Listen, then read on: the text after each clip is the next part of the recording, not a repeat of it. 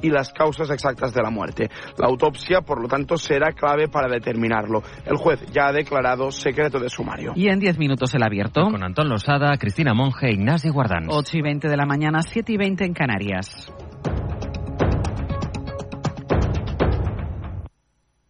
Cadena Ser Catalunya. Cultura a un clic. Esports a un clic. Actualitat Tot allò que has de saber a aquesta a un clic. Entreteniment a un clic.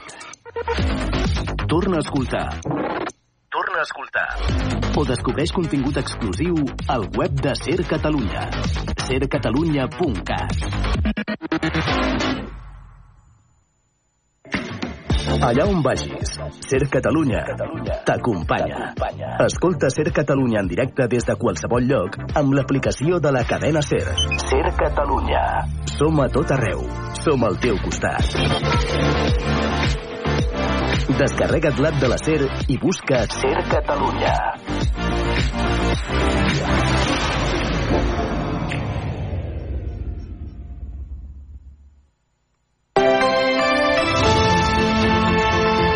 Hoy por hoy Catalunya. Sergi López.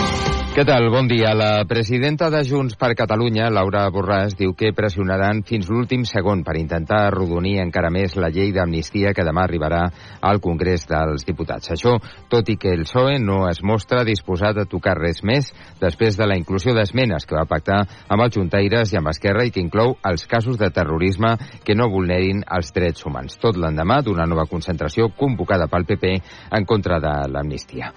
Ho expliquem de seguida.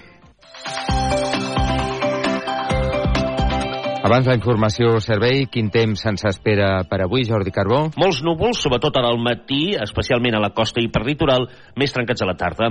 Al matí, fins i tot amb bancs de boira. A mesura que ens endinsem cap a l'interior i als Pirineus, menys núvols i major presència del sol. Això també marcarà diferències en les temperatures màximes. Es mouran entre els 10 i els 15 graus, encara podrem superar els 15, sobretot a Ponent i algunes valls del Pirineu. Ara, fa poc fred, tenim 10 graus a Falset, 8 a Olot, també a Igualada, 7 a Tàrrega. Els propers dies farà més sol, les temperatures eh, sense grans canvis. Anem al RAC, com està el trànsit? El Suguet, bon dia. Molt bon dia, hi ha dos accidents actius a aquesta hora. A l'AP7 es talla un carril a l'altura de la Roca en sentit sud, amb dos quilòmetres de congestió i problemes també a l'enllaç des de la C60 i a la C32 es mantenen els 4 quilòmetres de cues en sentit sud per l'accident de fa una estona a Gavà, tot i que ja amb el carril reobert. A la resta de carreteres hi ha les retencions habituals de l'hora punta, ara amb 4 quilòmetres a la B23 entre Molins i Sant Feliu en sentit nord, cues també a l'accés a Barcelona des de Sant Just d'Esvern i forces retencions tant a l'AP7 a Barberà i Santa Perpètua en els dos sentits com a la C58 sobretot en sentit nord a Ripollet ara amb 5 quilòmetres pel que fa a les rondes a banda dels trams habituals en sentit Llobregat van molt lents a aquesta hora des dels nusos des del, del Besòs i de la Trinitat i a la B20 també hi ha 4 quilòmetres de lentitud entre l'Hospitalet i Pedralbes és tot des del RAC, bon dia Bon dia i gràcies, Àlex. Doncs tot a punt per començar la setmana. És dilluns, és 29 de gener.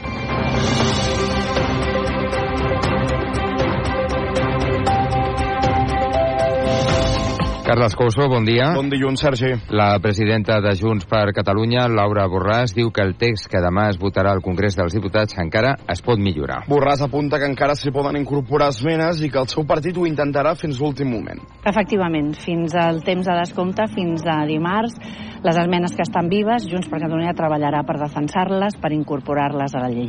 Borràs creu que la llei és més imprescindible que mai després de les últimes informacions aparegudes sobre l'Operació Catalunya i l'espionatge a personalitats independentistes. Mentrestant, el líder del PSC, Salvador Illa, creu que la llei d'amnistia no quedarà embarrancada als tribunals. Sí, ja diu que hi ha mecanismes... La separació de poders, les lleis en una democràcia consolidada com és la democràcia espanyola les ha de fer el Parlament, el Congrés dels Diputats si els diputats la voten doncs eh, no tinc cap dubte que el Poder Judicial que va d'aplicar i hem de respectar que l'apliqui ha de complir aquesta llei. Són declaracions... Si no, doncs hi ha mecanismes per assegurar-ho. Ara sí, eh? són declaracions al digital al nacional i ja diu que hi ha mecanismes per assegurar que els jutges apliquin la norma que demà està previst que validi el Congrés dels Diputats. I mentrestant el Partit Popular es va mobilitzar i novament contra l'aprovació de la llei d'amnistia. 45.000 persones es van manifestar ahir a la plaça Espanya de Madrid. La protesta, convocada pel Partit Popular, va reunir els principals dirigents de la formació, també expresidents, encapçalats per Alberto Núñez Feijó. Els populars han acusat el govern espanyol de pretendre deixar sense resposta penal el que han qualificat, atenció, de terrorisme independentista.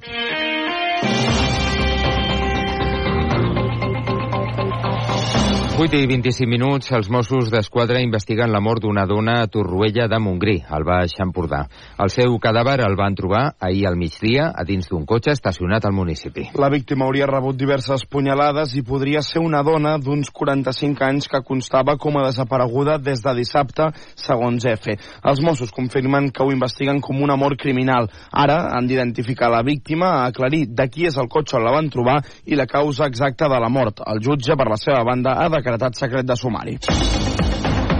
En un altre ordre de coses, la Fundació Arrels insisteix en demanar als ajuntaments que s'impliquin en eliminar el que es coneix com arquitectura hostil. Sí, són elements urbans que compliquen la vida a les persones que viuen al carrer. Segons l'entitat, aquestes construccions són una forma d'agressió passiva al sense sostre. Ens ho explica la Violeta Martos. Aquests elements passen inadvertits, posar cadires individuals en comptes de bancs per seure o aparadors que tenen la vorera inclinada. Però l'arquitectura hostil també són punxes de formigó o pilones que s'instal·len a la via pública. Al febrer del 2023, la Fundació Arrels va sortir al carrer, a Barcelona i a l'Hospitalet, i en van detectar més de 300 casos. El seu objectiu és evitar que allà pugui viure-hi algú.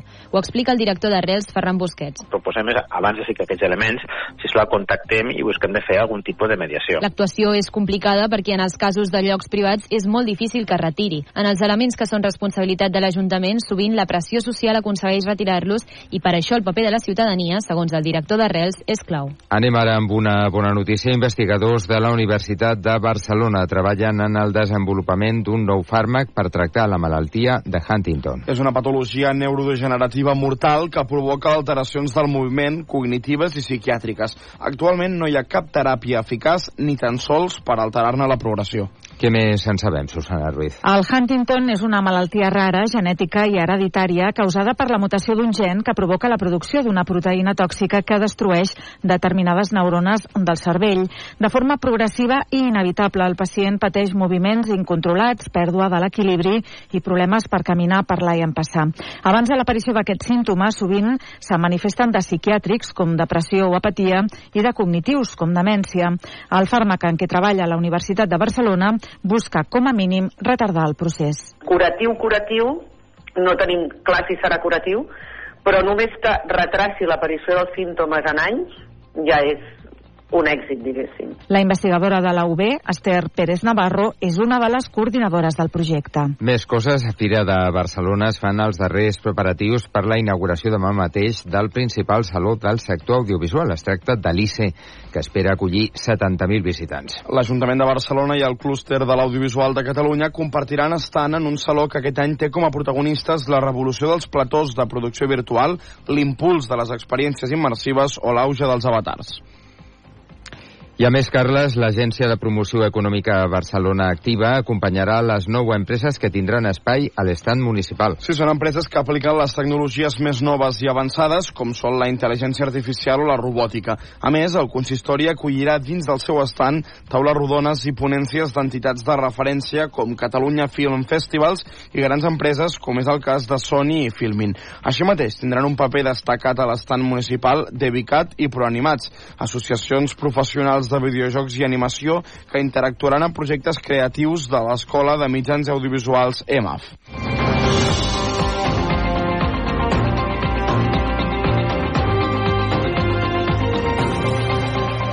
Abordem ara la informació esportiva amb la bona notícia del cap de setmana que la proporcionava el Girona, imposant-se per 0-1, guanyant un partit més fora de casa, en aquest cas el Celta de Vigo, i cada cop és més a prop del somni europeu.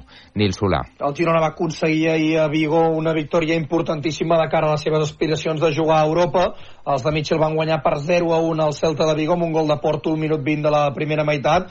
Entre Gazzaniga, Arnau i Deli Blin van aconseguir que l'equip gironí aconseguís la setena porteria 0 de tota la temporada i que el Girona es mantingui líder una jornada més amb 55 punts. Això sí, amb un partit més que el Real Madrid, tot i això, un pas de gegant per al Girona que s'aproxima molt a disputar la Champions de la temporada que ve. Recordeu que el Barça va perdre per 3 a 5 contra el Villarreal aquest dissabte i s'allunya molt, moltíssim, del liderat de la Lliga. Està a 11 punts del Girona, 10 del Madrid i que l'Espanyol va perdre el camp de l'Aldenc per 3 a 2 i també s'allunya de la zona d'ascens directe. Arribem a dos quarts de nou del matí. Que tingueu molt bon dilluns.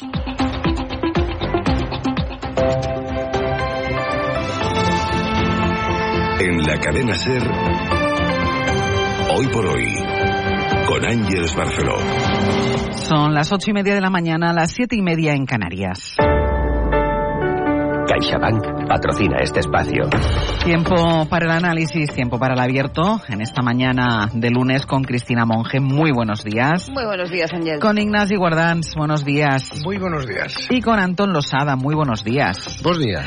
Entraremos en un ratito en todo lo que ha pasado este fin de semana y enfocaremos también la semana que hoy empieza en lo político con ese pleno mañana y esa votación de la ley de amnistía, la reunión el miércoles en Bruselas eh, haciendo el comisario Reinders de mediador entre González Pons y Félix Bolaños y casi la semana la terminaremos con el arranque de la campaña electoral en Galicia, pero antes de ir a todo esto, quisiera detenerme en uno de los problemas, yo creo, más importantes que tiene este país. Lo visualizábamos la semana pasada cuando